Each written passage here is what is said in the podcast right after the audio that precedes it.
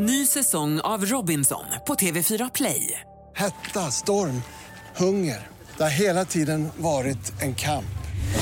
Nu är det blod och tårar. Fan händer just nu. Det. är Detta är inte okej. Robinson 2024, nu fucking kör vi! Streama söndag på TV4 Play. Du lyssnar på poddversionen av Senaste nytt från Expressen TV.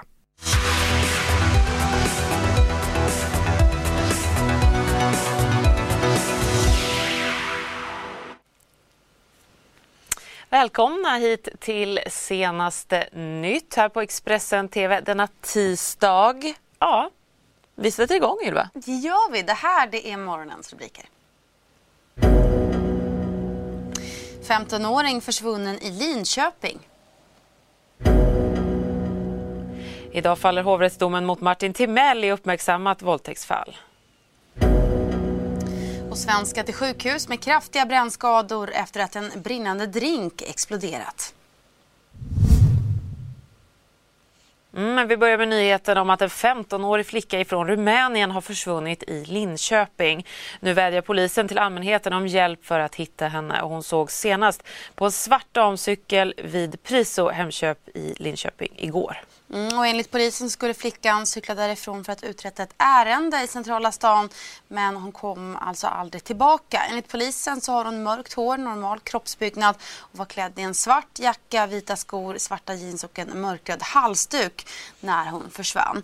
Flickan kommer från Rumänien och är i Sverige tillfälligt uppger polisen. Mm, och har ni sett Eh, henne, observerat henne efter eh, den här tidpunkten igår alltså när hon sågs cyklandes ifrån eh, Hemköp eh, Priso så hör av er till polisen.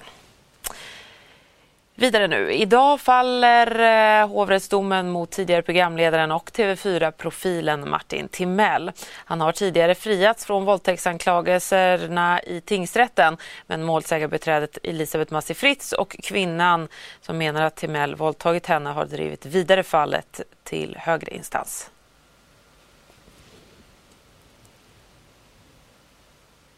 Jag hoppas nu att min klient får upprättelse och att det blir en rättvis dom. Straffvärdet menar jag är två år, men med tanke på den långa tid som har gått så menar jag att det bör ligga någonstans på ett och ett halvt års fängelse. Mm, och Elisabeth Massi Fritz har under hovrättsförhandlingarna kallat in fyra nya vittnen för att styrka sin eh, klients eh, berättelse om den misstänkta våldtäkten. Något som Martin Timells försvarsadvokat Hanna Lindblom är kritisk mot. Vi är nöjda med den här dagen. Vi är ganska trötta också. Det har varit en lång dag. Eh, de här fyra nya vittnena som kom, deras berättelse, vad tyckte du om det? Ja, det var inte särskilt förvånande att fyra eh, nära vänner kommer och berättar och på något sätt bekräftar vad målsägaren har berättat, vad hon har berättat om, om under förhandlingen. Eh, och det är inte så konstigt, men jag ser det snarare som vad jag sagt tidigare som partsinlager, det vill säga de kommer och eh, ja, berättar samma sak som hon har berättat. Eh, målsägande berättade också ytterligare eh, frågor, eller fick frågor. Mm. Vad tyckte du om det? Hon fick ju frågor och det var ju högst relevanta frågor. Vad är det här är för nya personer? Vad har du för relation till de här personerna? Eh, och varför kommer de idag? Och då beskrev hon just att de här fyra eh, människorna är nära vänner till henne. Det var två kvinnor och två män. Eh, de här två kvinnorna var dessutom, som jag förstod det, bästa väninnor till henne. Och den frågan jag givetvis ställer mig och framförallt gjorde lite mera kanske retoriskt under mitt, min slutplädering, det var ju var, var har de här personerna funnits, funnits tidigare? Varför har de inte eh, hörts av tidigare? Två Reuters-journalister som suttit fängslade i Myanmar i över 500 dagar har släppts, det rapporterar CNN. Mm, de här två eh, Pulitzerprisvinnande reportrarna Wa Lone och Kiav So O greps i december 2017 och dömdes eh, i september förra året till sju års fängelse för att, eh, eller efter att ha tagit emot hemliga dokument i samband med en granskning om av ett massmord på den muslimska folkgruppen rohingya eh, i delstaten Rakhine. Mm, domen har fått hård kritik från en rad länder och människorättsförsvarare och de båda männen de benådades tillsammans med tusentals andra tidigare fångar i samband med nyåret i Myanmar, något av en tradition. Nyåret som i år inträffade den 17 april. Så ska vi till Ungern och regeringens sätt att hantera den stora befolkningsutmaningen som man står inför där, Ylva. Ja, eftersom utflyttningen är så stor i landet i kombination med att man, inte, eller att man har en så liten invandring så riskerar landets befolkning att minska i för stor grad och därför så erbjuds familjer ekonomisk kompensation och skattelättnader om de föder fler barn. Vår Centraleuropa-korrespondent Mats Larsson, tillika utrikesredaktör, har träffat en familj som ser positivt på den här nya familjepolicyn. Det ska löna sig att ha många barn i Ungern. Premiärminister Viktor Orbán och hans regering erbjuder bidrag och generösa lån till unga ungrare som lovar sig att skaffa många barn. Plakat finns nu uppsatt över hela landet med den senaste informationskampanjen. Det föds nämligen för få ungrare. Ungern har också ett av Europas mest restriktiva invandringspolitik så det kommer knappt hit några alls från icke-europeiska länder. Samtidigt är det många ungrare som väljer att emigrera och istället bosätta sig i exempelvis London. Det är för att få den här ekvationen att gå ihop som den ungerska regeringen erbjuder generösa bidrag för att få ungrarna att sätta fler barn till världen. Några som uppskattar det här programmet är Andras och Gabriella Haidu från Budapest. Expressen TV har träffat dem. It, it's going to help us, so we like it. What, what um, you have uh, three children, uh, three sons. Uh, how will it benefit you, this program? We are going to change our flat. So we are going to be buying a bigger one. And maybe we are going to buy a new car, but we're not sure. So financially, what do, what do you get? Do you get cheap loans or how does it work? Um, we get cheap loans from the state, much cheaper than the, the normal loan from a bank. Yes. And uh, we are going to have, I think, 2 million, point, 2.5 million forints. Six. Two, 2.6, yeah, Yes. 2.6 million forints. They offer even bigger benefits if you get a fourth child. Is that something you're considering? No. not, not in our age, if we were younger, but not now. One big reason for this program is that Hungary has a demographic problem. Too few children are being born. A lot of people are moving out, and not many people are moving to Hungary. Do you think this uh, policy program will solve the demographic problems? Yes, I think so. I hope so. Uh, it's going to help. I'm not sure if it's going to solve it, but it's going to help. The direction is good. Beslutet om omval i borgmästarvalet i Istanbul möts nu av skarp kritik både i och utanför Turkiet.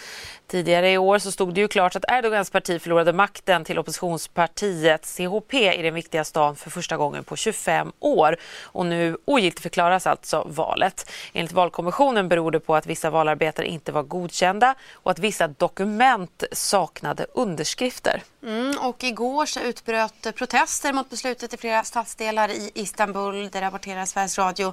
Människor ska ha ställt sig i fönster och på balkonger och slagit högljutt på grytor och kastruller i protest mot valkommissionens beslut. Även marknaden reagerade på det här beskedet eh, och den turkiska liran föll kraftigt mot dollarn efter eh, att redan ha legat på ett mycket lågt värde. Och det här nyvalet kommer att hållas den 23 juni. Mm, så inrikes igen. Åklagaren yrkar nu på 12 års fängelse för den läkare som misstänks begått grova sexuella övergrepp på över 50 barn och 21 vuxna. Idag faller tingsrättsdomen mot mannen som förgripit sig på barnen bland annat via appen Kry. Mm, och läkaren han eh, nekar själv till brott. Ett barn har sökt vård tillsammans med sin förälder på grund av någon relativt vanlig eh, åkomma. Och under undersökningen så har han påtalat att även underlivet måste kontrolleras. På tisdag faller tingsrättens dom mot en barnläkare som misstänks ha förgripit sig på 52 barn via läkarappen Kry. Brotten ska också ha skett på olika vårdcentraler runt om i landet. Offren är mellan 2 och 12 år gamla och är huvudsakligen flickor. Polisen har även hittat stora mängder barnpornografi i mannens ägo. Ett material som dessutom spridits vidare till andra. Den åtalade läkaren medger att undersökningarna har skett men nekar till brott. Vad gäller de eh, åtalspunkter som har samband med undersökningar, det vill säga när patienter har besökt sjukvårdsinrättningar, så är hans inställning att eh, sammanfattningsvis kan man väl säga utan att gå in på varje åtalspunkt att det har varit fråga om medicinskt befogade undersökningar. Rättegången inleddes i september förra året och under tisdagen så faller alltså domen mot läkaren. Så till någonting helt annat. Ja, det ska handla om eh, en kunglig födsel som vi fick eh, eh, höra om första gången igår eh, då det ju eh, skedde. Eh, vi väntar fortfarande på att se det senaste tillskottet i det brittiska kungahuset eh, och hertigparet Meghan och prins Harry har ju valt att vänta med att visa upp sin lille son. Ja, för hon har valt att vila upp sig lite efter förlossningen tycker jag hon gör helt Rimligt. rätt i, verkligen. Men det var onekligen en lycklig pappa som mötte journalisterna för att berätta om bebislyckan.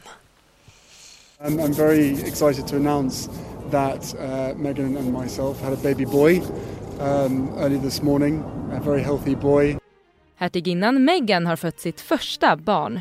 Förlossningen inleddes på måndagsmorgonen och prins Harry har hela tiden varit på plats vid Meghans sida. Sussex Royal avslöjar på sin Instagram att paret fått en pojke som väger 3,2 kilo. Man skriver att både hertiginnan och hennes nyfödde son mår bra och att hertigparet tackar för stödet från allmänheten.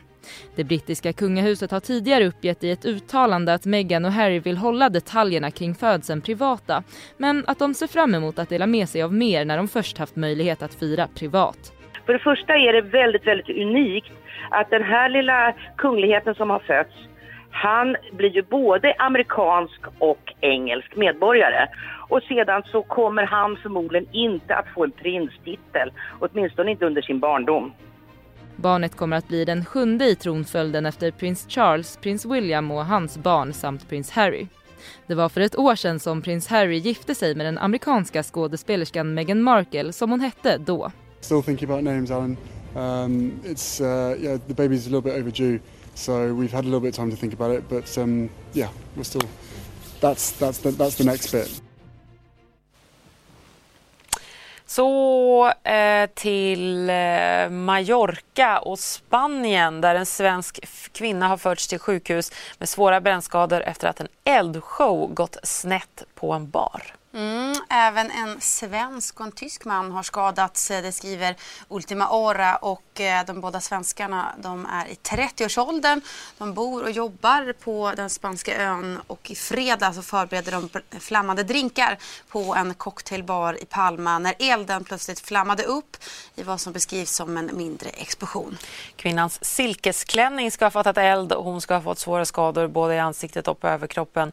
Hon har flugits till Barcelona för specialistvård medan de två männen vårdas på ett lokalt sjukhus på Mallorca med andra och tredje gradens brännskador. I nuläget tyder allt på att det rör sig om en olycka men polisen utreder händelsen. Så tar vi en kort paus här i senaste nytt. Jag och Ylva Wies tillbaka alldeles strax. Du har lyssnat på poddversionen av Senaste nytt från Expressen TV. Ansvarig utgivare är Thomas Mattsson. Ett poddtips från Podplay. I fallen jag aldrig glömmer djupdyker Hasse Aro i arbetet bakom några av Sveriges mest uppseendeväckande brottsutredningar. Går vi in med hemlig telefonavlyssning och, och då upplever vi att vi får en total förändring av hans beteende. Vad är det som händer nu? Vem är det som läcker? Och så säger han att jag är kriminell, jag har varit kriminell i hela mitt liv men att mörda ett barn, där går min gräns. Nya säsongen av Fallen jag aldrig glömmer på Podplay.